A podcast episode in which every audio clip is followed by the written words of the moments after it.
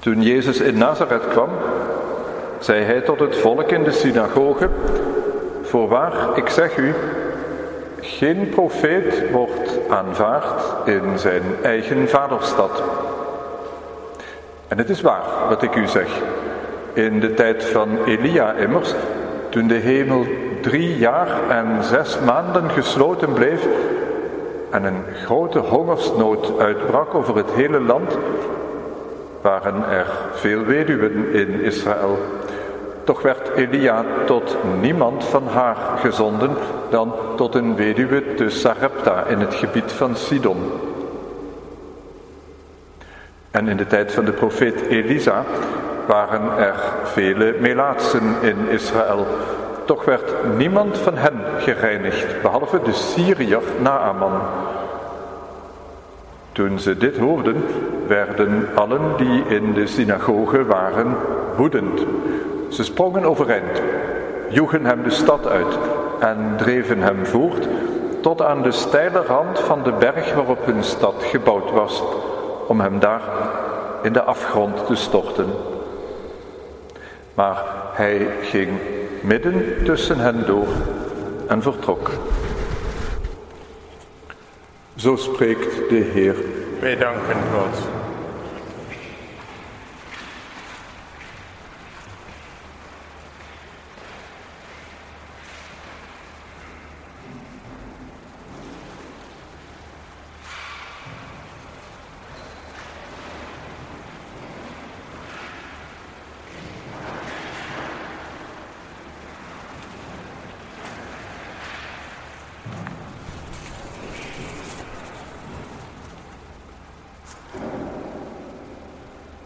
Het is een indrukwekkend verhaal dat we in de eerste lezing hebben gehoord over de Syriër Naaman, die dus een officiële brief van de koning meekrijgt, zeker ook met een lakzegel daaronder, netjes opgerold.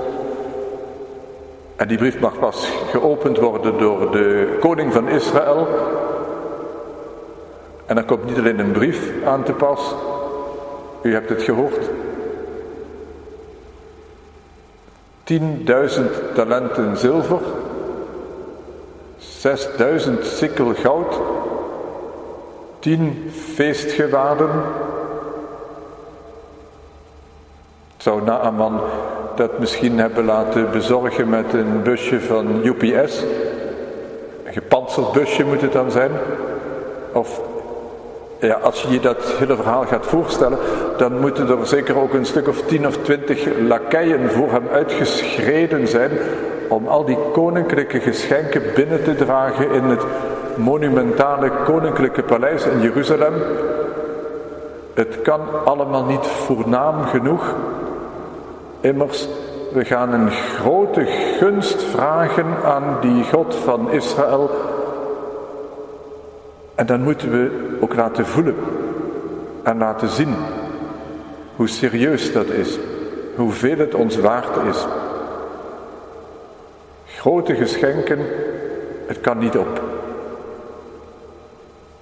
Mensen hebben altijd diezelfde neiging, of het nou gaat om belangrijke internationale contacten, of dat het erom gaat dat je in je eigen familie of kennissenkring goed voor de dag wilt komen, we zullen altijd de neiging hebben om indruk te maken. Vaak is dat ook heel goed. Vaak is het heel goed om te laten zien, je bent me echt wat waard. Ik heb echt wat voor je over.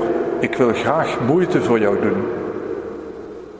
Maar wanneer die twee schriftlezingen van vandaag klinken in het kader van Jozef, de gelovige, dan wordt het precies omgekeerd.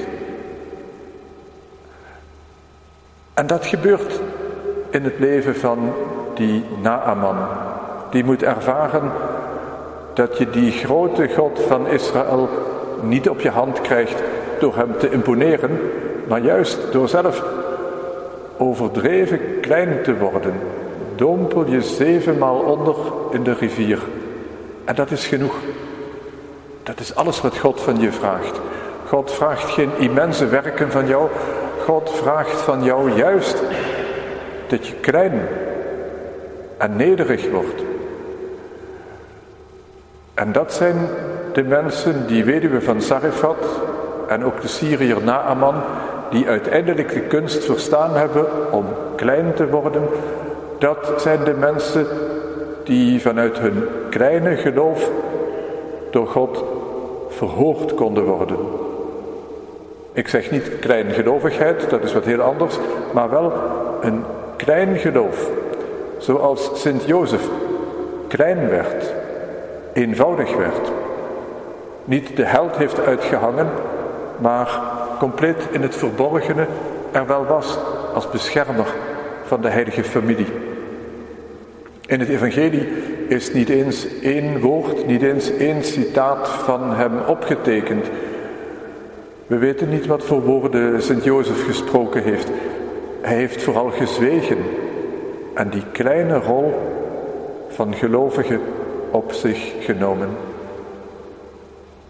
Het betekent niet dat ons geen werk te doen staat.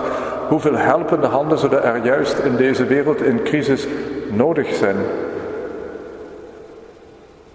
Het betekent wel dat we door klein te worden Gods grote helpende hand nog meer kans geven. Laten we heel eenvoudig tot Hem bidden.